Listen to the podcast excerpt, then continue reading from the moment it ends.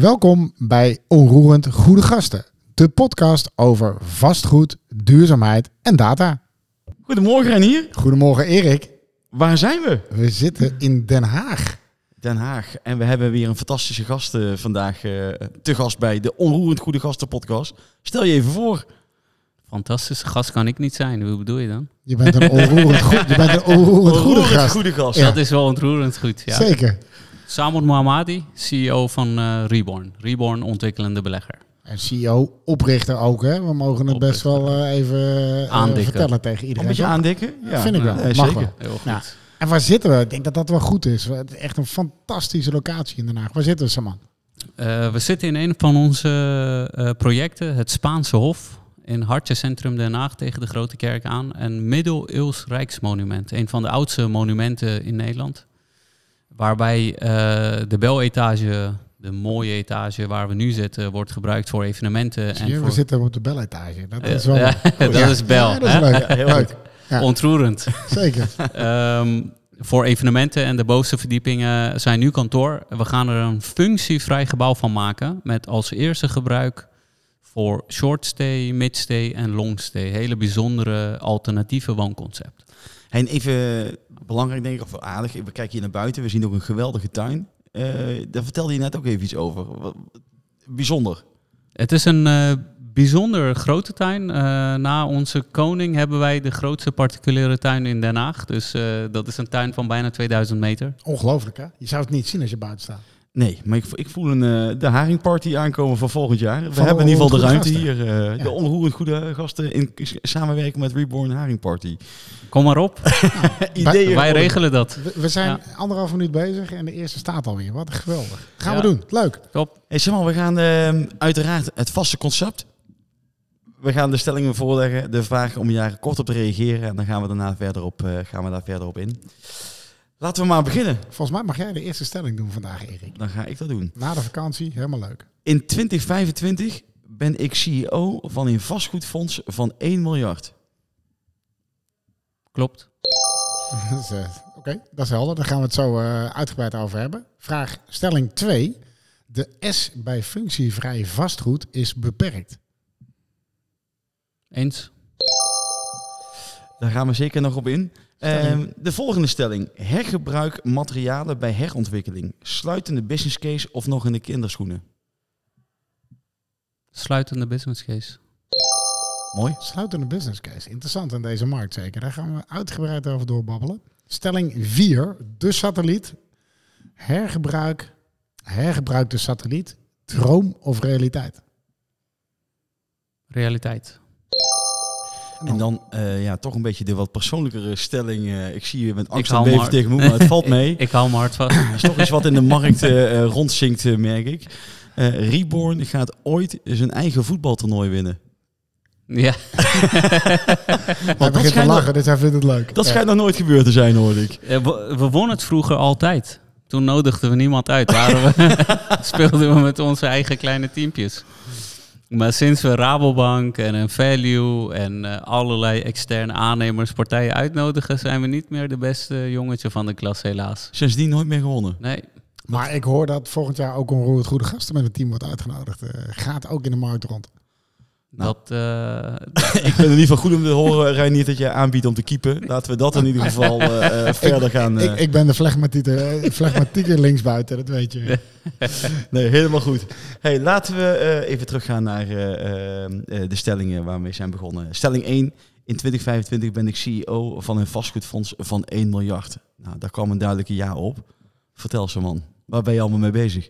Klopt. Eh, als eh, Reborn eh, is het voor ons natuurlijk altijd belangrijk om onze ononderhandelbare idealen waar te maken. De idealen beschrijven we altijd in de vorm van de 3D's. Dynamisch. Dynamisch gaat om faciliteren van, van functies. Dus je maakt gebouwen die alle functies aankunnen. Dierbaar is schoonheid. Dierbaar stelt gerust. Dierbaar zorgt voor oneindigheid van, je pand, van, de, van de assets die je maakt. En duurzaamheid loont. Dat zijn de 3D's die eigenlijk uiteindelijk op hun eigen manier impact maken. Impact op de ESG en de SDG's op het hoogste niveau. Eh, daar begint het voor ons bij. En om die impact te maken, eh, hebben we ontdekt dat je gebouwen niet alleen moet maken en verkopen, maar ook vast moet houden. We hebben momenteel 750 miljoen vastgoed in ontwikkeling. Eh, het doel is om naar een fonds van anderhalf miljard te groeien in vijf jaar tijd. Ehm, en dat ook vast te houden. Dus Ja, echt, want want daar, daar ga ik je toch even onderbreken. Want Ja. dat is natuurlijk met name de achtergrond van deze stelling. Want je bent begonnen als ontwikkelaar. En de ontwikkelaar die ontwikkelt en verkoopt. Hè, jullie pand uit Harderwijk heb je verkocht in, eh, aan Bouwinvest. precies. Nou, zo zijn er nog wel meer voorbeelden. Maar je zegt nu, en dat hoor ik je heel expliciet zeggen. Nee, we gaan hem zelf houden. precies. Waarom dan en hoe doe je dat? Ehm, we zijn natuurlijk eh, ooit begonnen als adviseurs. Eh, dan merk je dat 80, 90 procent van wat je adviseert in de kast belandt. Wordt niks mee gedaan. Je bent ad hoc vis en zuur, zo kan je het ook zeggen. Ja. Eh, toen dachten we, dan moeten we het zelf gaan ontwikkelen. Dat zijn we gaan doen. Panden kopen, ontwikkelen. Je breidt het gebouw voor op allerlei duurzaamheidszaken, op allerlei adaptieve, op flexibiliteitszaken. Hè, de kans om het in de toekomst aan te passen. Gaat het naar een belegger toe en dan zie je dat je bijna niks vast kan leggen. Dus je bent wederom aan de goden overgeleverd. Wat bedoel je met niks vast kan leggen? Ehm, als jij een functie, dus wij maken alleen maar functievrije gebouwen. Ja, die in de hebben. eerste Ja. gebruik eh, eh, zorggebouw is, of een kantoor of een hotel. Eh, ja, jij kan niet bij een verkoop gaan bepalen wat de eigenaar met de panden moet gaan doen over vijf of tien jaar. Of hoe die ermee om moet gaan. Maar eigenlijk ben je dan dus een soort van teleurgesteld in die rol die je als ontwikkelaar hebt. Die dromen, die 3D's waar je het over hebt. eh, dat die dus niet zeg maar ten volle glorie zich eh, ontplooien door te verkopen. Eens. Ja, de transactie zorgt ervoor dat er een eh, breuk komt in de, in, in de verbintenis met de asset. En onze hele eh, groei van adviseur naar ontwikkelaar naar belegger is ontstaan door die verbintenis vast te houden. En wij merken ook dat vastgoed is financiering. En hoe meer je financieringswereld begrijpt, dat is de tweede reden dat we ook richting belegger toe bewegen. Hoe beter je duurzaamheid en adaptiviteit en, en waardevolle assets kan bouwen. Dus eh, de, de, de, de weg en de macht en de, en de manier van financieren begrijpen. Dat is eigenlijk 80, 90 procent vastgoed. En heeft dit nog, deze verandering in jullie eh, ja, visie, beleid, is, heeft dat nog eh, eh, impact in, in de keuzes rondom functievrij ontwikkelen? Want voorheen kan me voorstellen, ontwikkelen, verkopen, als je het gaat houden, merk je dan dat daar andere keuzes doorgemaakt worden? Absoluut. We gaan verder in onze idealen. Dus, En wat bedoel je dan? dat we minder winst maken, direct rendement maken, omdat we nog meer in onze eh, principes eh, investeren. En de rendement komt op lange termijn. Hè? Als belegger ga je leren dat dat directe rendement één is, maar de indirecte rendement is de echte waarde. De capital gain. Exact, daar ga je voor. Dat is, dat is waar je op inzet. Dus dat verandert. Ja. Maar hoe doe je dat dan? Want ik weet, je, hebt een, je, hebt, je bent gestart met, ja, eh, oneerbiedig met een aantal eh, agrariërs uit Noord-Holland die je vinden. En dan heb je een grote groep eh, waar je vaak in Van der Valk Horen bijeenkomt. Heb ik me laten vertellen. Je bent goed ingelezen. Ja, ik, Ja. ik hoor wel eens wat. En, en ik lees wel eens wat. Maar, maar los daarvan, ehm, daar moet je gaan uitleggen. Ja, fruitige vrienden, hartstikke leuk dat jullie meedoen. Alleen het financiële rendement, het directe rendement is laag. En je, je gaat pas het echte rendement maken met, eh, met de capital gains, met het indirecte rendement. Overigens gebeurt dat bij de institutionele niet anders. Maar hoe overtuig je hen? Want ja, dan moet je wel lang blijven zitten. Eigenlijk niet. Eh, dus wat je ziet bij al de financiers die in onze projecten stappen, zij stappen altijd voor de korte termijn in en voor een vaste, zekere rendement. Dus je, wat je ook doet, de, de, de, je kan maar een kleine deel van de markt meekrijgen in dat waardestijging, dat indirect rendement. En wij merken dat je uiteindelijk zelf alle risico's moet gaan nemen. Dus je moet alles voor de financiers indekken, zodat zij de financieringen verstrekken, zodat het project door kan. Maar dat doe je doordat je geloof hebt in je eigen waardecreatie. Maar de echte financier die gelooft in jou, in dat indirecte lange termijnswaarde, die moet ik nog vinden. Precies, maar dat betekent dus ook dat ik me voorstel, als je de idealen zo stevig vasthoudt, dat daardoor een, een minder eh, eh, rendement gaat uitkomen. En hou je dan iedereen aan boord? Want dat is er altijd de vraag, kan ik bij de buurman iets meer rendement krijgen, dan ga ik mijn geld daarin stoppen. Uh, goeie vraag. Het is altijd Als je een ononderhandelbaar ideaal hebt, heb je de kans dat je wegdroomt in eigen idealen. En als je wegdroomt in eigen idealen, maak je fouten. Dus wij proberen wel per project realistisch te zijn. Op een gegeven moment de programma van eisen vast te klikken, de ontwerp, de huurder en te gaan. Al is het een 2.0 of een 3.0 en geen 10.0. En je bent zo goed als je laatste wedstrijd. Dus je probeert elke volgende project beter te doen. Dus wij proberen wel ja, realistisch idealistisch te zijn. Maar zijn jullie dan voor uit de markt? Want ja, laat ik het zo zeggen, ehm, jullie maken mooie producten. Ontwikkelt mooi, ontwikkelt mooi, maar klaarblijkelijk uh, overtuig je niet iedereen van die lange termijnwaarde. Uh, ik, eh, dat houdt mij ook eigenlijk al jaren bezig. Wat wij maken is een andere asset class. Zijnde, hoe noem je die? Functievrij vastgoed. Ik kom bijvoorbeeld bij de bank of bij een belegger en ik zeg ik heb een hotel. Krijg ik 60% financiering. Op het moment dat ik aankom met dezelfde pand en zeg het is een kantoor, krijg ik 90% financiering. En op het moment dat ik aankom en zeg het is woning, zit je op 70% en zit je op andere bar. Terwijl dat gebouw eigenlijk al die functies belichaamt. Eigenlijk zou ik 100% financiering moeten krijgen. Eigenlijk zou ik op een bar van 2, 2,5 moeten zitten, niet 7. Ja, dat, dus, dat, dat, vinden de gemiddelde financiers, 100% financieren, best ingewikkeld in deze markt. Ja. Dat is waar. Ja. Dus je, je, je merkt, de asset class aan zich is een ongegrond trein voor veel financiers en beleggers, omdat ze er heel moeilijk mee om kunnen gaan. Je kan, we, we vriezen het wel vast op de eerstvolgende gebruik. Maar het is geen kantoor. Wat we hier gaan maken zijn geen alternatieve short stay of long stay appartementen. Het is een functievrij gebouw. En dat merk je, dat krijg je ja, op een of andere manier wordt dat alleen door Reborn in de markt gemaakt. En wij delen alles transparant, maar uh, het opschalen ervan, dat is wel een van de allergrootste doelen die ik mezelf heb gesteld. Daarom de fonds anderhalf miljard. Dat is een idee om dat te gaan opschalen komende jaren. Ja. Nou, misschien wel interessant, eh, dat, uh, want ik, ik hoor heel goed wat je zegt, hè, de functievrij vastgoed en de financiering daarvan. Misschien kunnen we daar in een latere podcast ook nog eens een keer iemand voor uitnodigen om deze stelling eens voor te leggen. Want ik vind het wel een interessante case.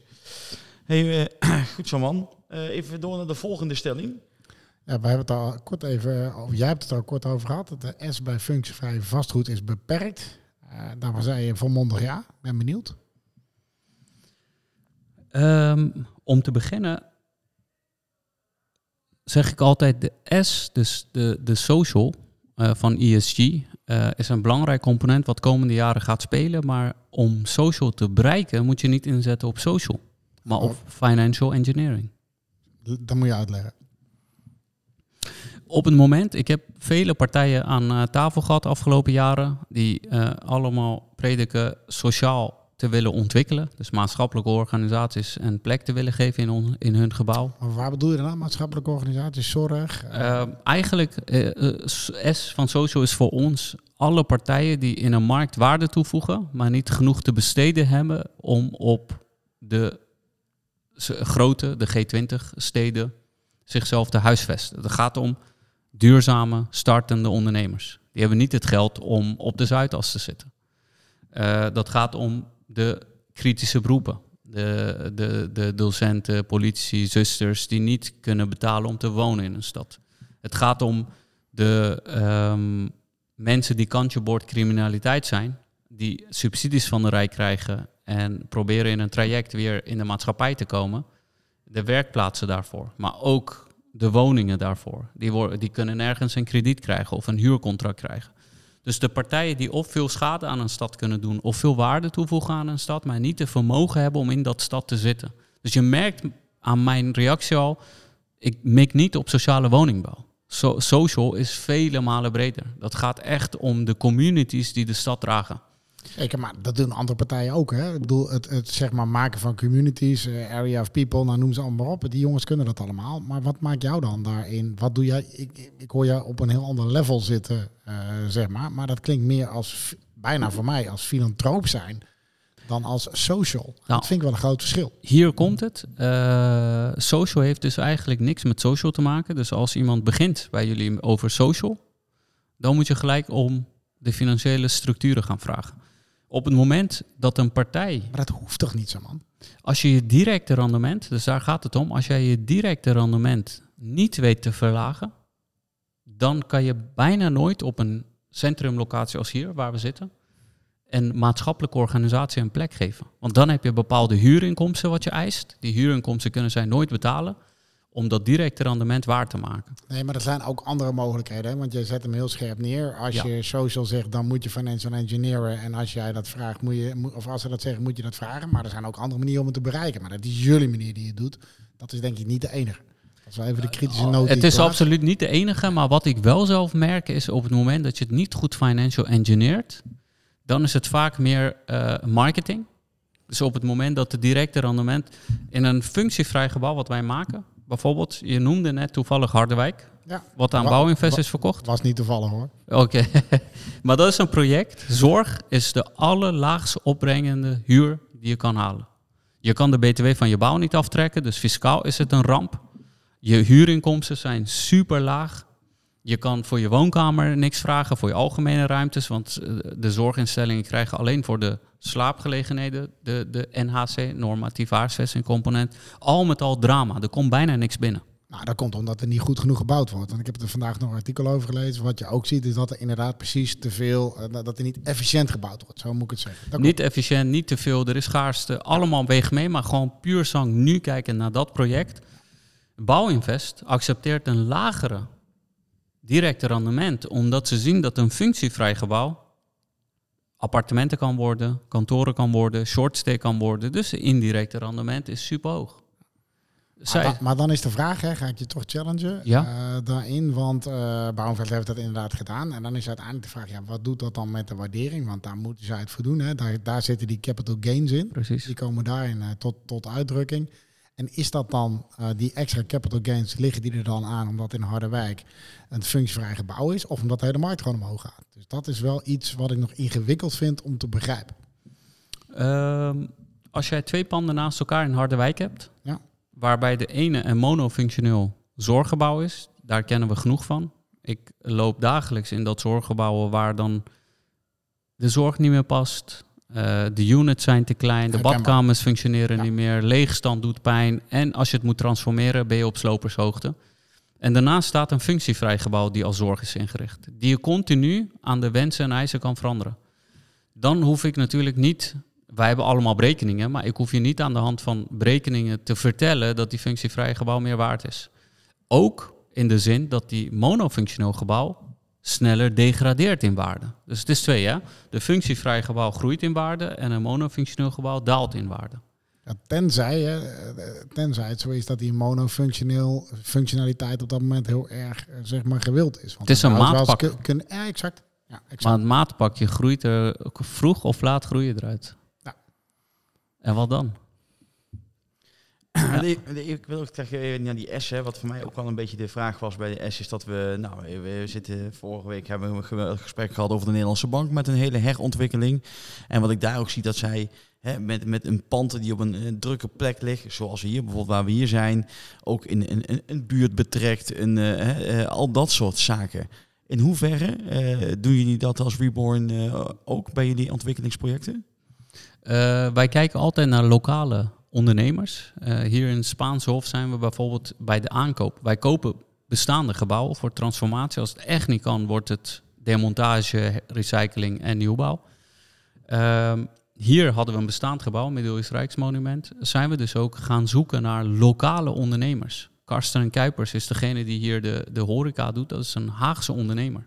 Die om de hoek ook een restaurant heeft. Die echt hier geboren is. In Westeinde, in de ziekenhuis is geboren. Dus echt hier vandaan komt.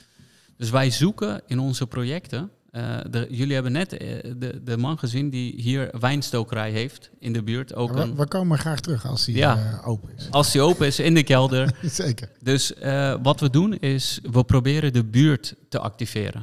Ervoor te zorgen dat we de, de local heroes vinden, de partijen die dan echt een springplan kunnen krijgen.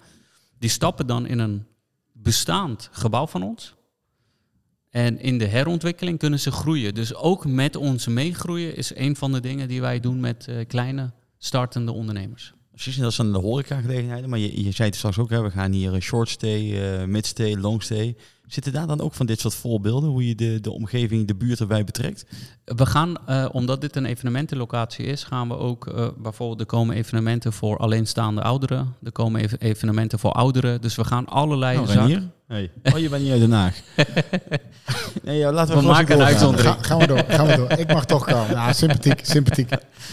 Ehm, dus het gaat hier meer om dat we de, de gebouw wat van de stad is teruggeven aan de stad. Dus het doel is dat we hier bijvoorbeeld op de zaterdag en zondagen de tuin opengooien voor het publiek van de stad. Dus we gaan de monument beschikbaar maken voor de stad. Dat is al een hele grote stap, inclusief bijeenkomsten. En dat geldt ook voor eh, de appartementen die bij eh, nood aan eh, asielzoekers of aan zorgbehoevenden van de ziekenhuis kunnen worden verhuurd. We proberen allerlei initiatieven aan te boren wat de stad sterker maakt of waar behoefte aan is. Helder. Voor mij betreft ook. Laten we naar de volgende stelling gaan, eh, Erik. Oh, Ja, eh, ik- ga je gang hoor. Ja, dan- oh, ik hoor dat dit mag. Hergebruikmaterialen bij herontwikkeling. eh sluit een business case of nog in de kinderschoenen. Sluit een business case.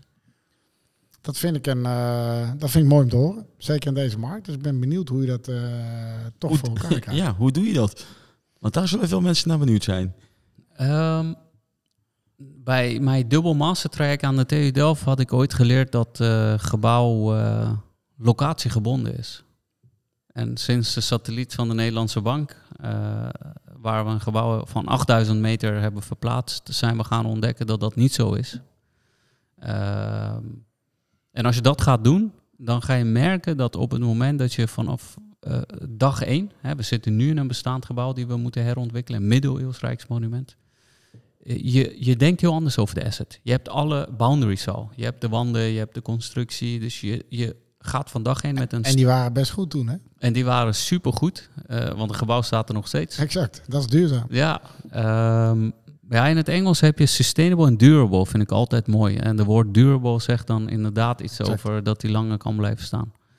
Ehm, omdat wij van dag één met een hele sterke team starten, dat, dat maakt transformatie anders. Dan ga je de kansen zien van wat je kan. Dus je denkt niet in problemen, maar we hebben hem, we moeten hem behouden, wat kunnen we doen? Dan bedenk je oplossingen. En in die oplossingen zit één ding die eigenlijk de maximale determinant is voordat de business case sluitend is. En dat is dat als je alleen al de draagstructuur van een asset laat staan, laat je 95% van de massa van het gebouw staan. Dat betekent dat je 60 tot 80 procent van de ingebedde CO2 laat staan. Dus je hebt en sluitende financiële business case en milieukundig business case die je sluitend krijgt. Dus je voegt relatief maar 5 tot 10 procent materiaal toe. En als je dat nog eens slim weet in te bedden circulair, met terugkoopgaranties wat wij hebben, nou, dan heb je eigenlijk niet alleen sluitend, maar een hele vele malen positiever business case dan nieuwbouw. En daar zit dus het linkje in met de eerste stelling die we hadden. Want jij bent ervan overtuigd dat het in de toekomst meer waarde gaat opleveren dan als je het niet doet. Want dat is volgens mij waarom je dat fonds al opstaat. Je moet inderdaad niet afschrijven, maar je moet oplussen in gebouwen. Ja, dat is alleen fiscaal nog lastig. Ja. Maar eh, ik, ik, ik ben het met je eens. Maar zie je daarmee ook dat eh, in financiering, want je, eigenlijk zeg je hiermee dat in een pand het, eh, de restwaarde, laat ik het over zeggen, of materiaalwaarde, wat je ook wil noemen, dat dat dus een, ontzettend belangrijk onderdeel is voor jullie ontwikkeling. In hoeverre zie je dat als je dan bijvoorbeeld, dat, en dan komen we weer terug even naar die financiering, zie je al partijen die daar dan ook op die manier naar kijken? Nou, wat, daar, wat hem daarin moeilijk maakt, eh, is we hebben geen vastgoedmarkt. We hebben deelmarkten. Centrum Den Haag is heel wat anders dan Schilderswijk. Den Haag is heel wat anders dan Hoge Zand Sappemeer. Dus een asset in Centrum Den Haag is heel wat anders dan een asset in Centrum Hoge Zand Sappemeer. Wat bedoel je ermee te zeggen? Daarmee wil ik zeggen dat eh, als je het over waarde hebt en de materiaalwaardes, eh, op het moment dat de locatie een AA-locatie is, Centrum Den Haag, dan valt de materiaalwaarde weer in het niet. Op het moment dat je een B- of een C-locatie hebt, dan is de materiaalwaarde wel enorm van waarde. En die totale waarde tot de 100% zit je met een grondcomponent, materiaal. En dat is Nou, afhankelijk van de locatie. Meester taxateur zit hier maar- aan tafel, maar- dus eh, Maar, maar, dan, Ja. maar dan toch, eh, Ja. want net, ik wilde je al doorvragen. Ja, je zei, ik heb een dubbele master en daar heb ik geleerd dat locatie belangrijk was. Maar ik heb uiteindelijk geleerd dat het minder belangrijk is. Maar nu zeg je dat locatie weer wel belangrijk is. Als het om materialen gaat. Dus ik zie in discussie met beleggers eh, dat als je het over de grondstofwaarde hebt, eh, de bouwkosten zijn pak een beetje 30 tot 50 procent van de beleggingswaarde. En op het moment dat je daar nog iets van af moet halen voor recycling, zit je nog een paar procent daaronder. Van die 50 procent is 25 procent arbeid. Dus er blijft nog 25 procent over. Dus als je hem zo gaat afpellen op een AA-locatie, blijft niet heel veel weer aan grondstoffenwaarde over. Waar de waarde in zit, en dat zeg ik, dat zit in ingebedde materialen, in milieuschade, in CO2-uitstoot, maar ook in CO2-certificaten die aan zitten komen. Maar als je even, Daar zit waarde. dus eigenlijk zeg je, eh, eh, je krijgt een business case rond op een AA-locatie, maar vanaf waar krijg je hem niet meer rond in deze tijd? Krijg je hem in een B-locatie, krijg je hem dan, eh, krijg je daar je business case op materialen nog rond? Eh, het, is een, eh, eh, het is een hele brede vraag, want eh, de, de locatie, het gaat om eh, wat je uiteindelijk met de materialen doet. Bijvoorbeeld de Nederlandse bank die wij uit elkaar hebben gehaald, kunnen we op een AA-locatie opbouwen. De bouwkosten zijn hetzelfde als dat we hem in Hoge Zand Sappemeer opbouwen. Op een AA-locatie kan het hele andere huurwaarde gaan opleveren dan daar. Ja, precies. Dus eh, ergens in een, in een beleggingswaardeplaatje gaat het toch om wat voor eh, huur kan je, kan je eruit halen. Nou, laten we ook dan even die, de, hè, dat bruggetje maken naar die satelliet. Ja. Eh, de laatste stelling was de laatste stiet- de, de, de satelliet hergebruik, droom of realiteit. Eh, wij hoorden vorige week ja, dat hij eh, Amsterdam misschien wel gaat verlaten. Eh, maar we moesten aan jou vragen hoe het er precies voor staat. Wij hebben nu, as we speak, vijf locaties in, in onderzoek waar het kan gaan landen. Drie daarvan zijn nog steeds Amsterdam-Noord. Maar eentje is Hoofddorp en eentje is Utrecht. Utrecht heeft ook met name te maken met het feit dat Utrecht als eerste gemeente heeft gezegd dat ze eh 800 euro, iets meer dan 800 euro over hebben per ton CO2. Exact. Precies. En wij hebben Dus dat maakt dan toch de business case. eh. dat maakt, maar ook milieutechnisch. Dus eh, wat voor ons belangrijk is, is impact. Wij willen projecten neerzetten als goede voorbeelden om die op te schalen. Dus wij geloven dat op het moment dat, eh, dat je een probleem hebt, we hebben problemen in ons bestaand voorraad, vernieuwen van ons bestaand voorraad. Als je daar een goede voorbeeld neerzet die schaalbaar is, dat maakt impact. Dat verandert de wereld. We hebben goede schaalbare voorbeelden nodig. De satelliet is voor ons een voorbeeld om te laten zien dat je degelijk adaptieve gebouwen, transformaties, verplaatsen van gebouwen waar kan maken met een financieel rendement. En Utrecht voegt daar nog een schepje aan toe. Dat je ei- eindelijk in dat fair pricing zit. De 8000 vierkante meter satelliet heeft eh 4500 ton beton. Vuistregel is de helft ervan, dus 2300 ton. Laat, laten we het CO2. niet te lang Ja. over hebben, want we hebben Ja. het vorige week ook al over gehad. Of vorige podcast ook. En ik denk dat het met name goed is om ermee af te sluiten. Ik denk dat als de Nederlandse bank open gaat, eh, heropent, hè, 25 volgens mij, Ja, dan denk ik toch dat hij in Amsterdam staat, tussen man. En anders kom je uit. Dat eh, zou, eh, lekker, lekker uitleggen. wat denk jij? Hier. Wat denk jij? Dat, dat wil de Nederlandse bank ook. De, eh, Ik, ik vraag moet het aan jou, hè? Ik vraag het aan jou. Jij hebt dromen. de Amsterdam-Noord is het verst waar we nu eh, mee bezig zijn. Ja. Dus het wordt Amsterdam is- Centrum, het- hoor ik het- net. Het is een buikpijndossier aan die kant dat hij Amsterdam zou verlaten. Zeker. Dus dan gaan we je... Dan gaan we je Circulair bouwen is een uphill battle. Dat is Kijk, niet makkelijk. nou, dat, is een, dat, is een mooie, dat is een mooie afsluiter, Ja, wat mij betreft. Ehm, ja, dan komen we bij de laatste vraag aan. Die we eigenlijk elke gast vragen. Wie zou jij in de podcast willen horen? En wat zou je hem of haar willen vragen? We zijn heel benieuwd. Ik ben bezig met eh, een hele mooie initiatief met eh, een, een, wat ik bijna een vriend kan noemen. En Hij- Hij bouwt de spanning op. dat, dat is om de politiek en de vastgoedmarkt iets beter aan elkaar te koppelen. En dat noemen we kenniskabinet. Dat doe ik met Wouter Trufino. Ik denk dat het goed is om Wouter eens een keer hier aan tafel te krijgen en niet een vastgoedman, maar iemand die iets meer kan zeggen over hoe de politiek en de markt eigenlijk elkaar iets beter zouden moeten opzoeken. En dat zou, dat zou je Wouter ook willen vragen, dus wat dat je Ja. gezegd. Oké. Nou, we, gaan, we kennen Wouter natuurlijk allemaal, Tuurlijk. dus ik denk dat Wouter wel ja zegt. we gaan Wouter uitnodigen voor de show. eh. Hey, mooi eh, Saman. Dank voor je tijd en eh, voor je inspirerende verhaal. Renier, dank weer. Het was weer een feest. Ja, het- het- zeker is altijd een feest. en Zeker in Den Haag. Dus wat dat betreft eh, heel mooi. En jullie weten de podcast te luisteren via de jullie welbekende kanalen. En laat vooral eh, je reactie ook achter. Vinden we leuk Of kom bij ons in de lucht. Jullie kennen ons allemaal. Jullie kennen ons allemaal. Tot de volgende keer. Dag. Dag.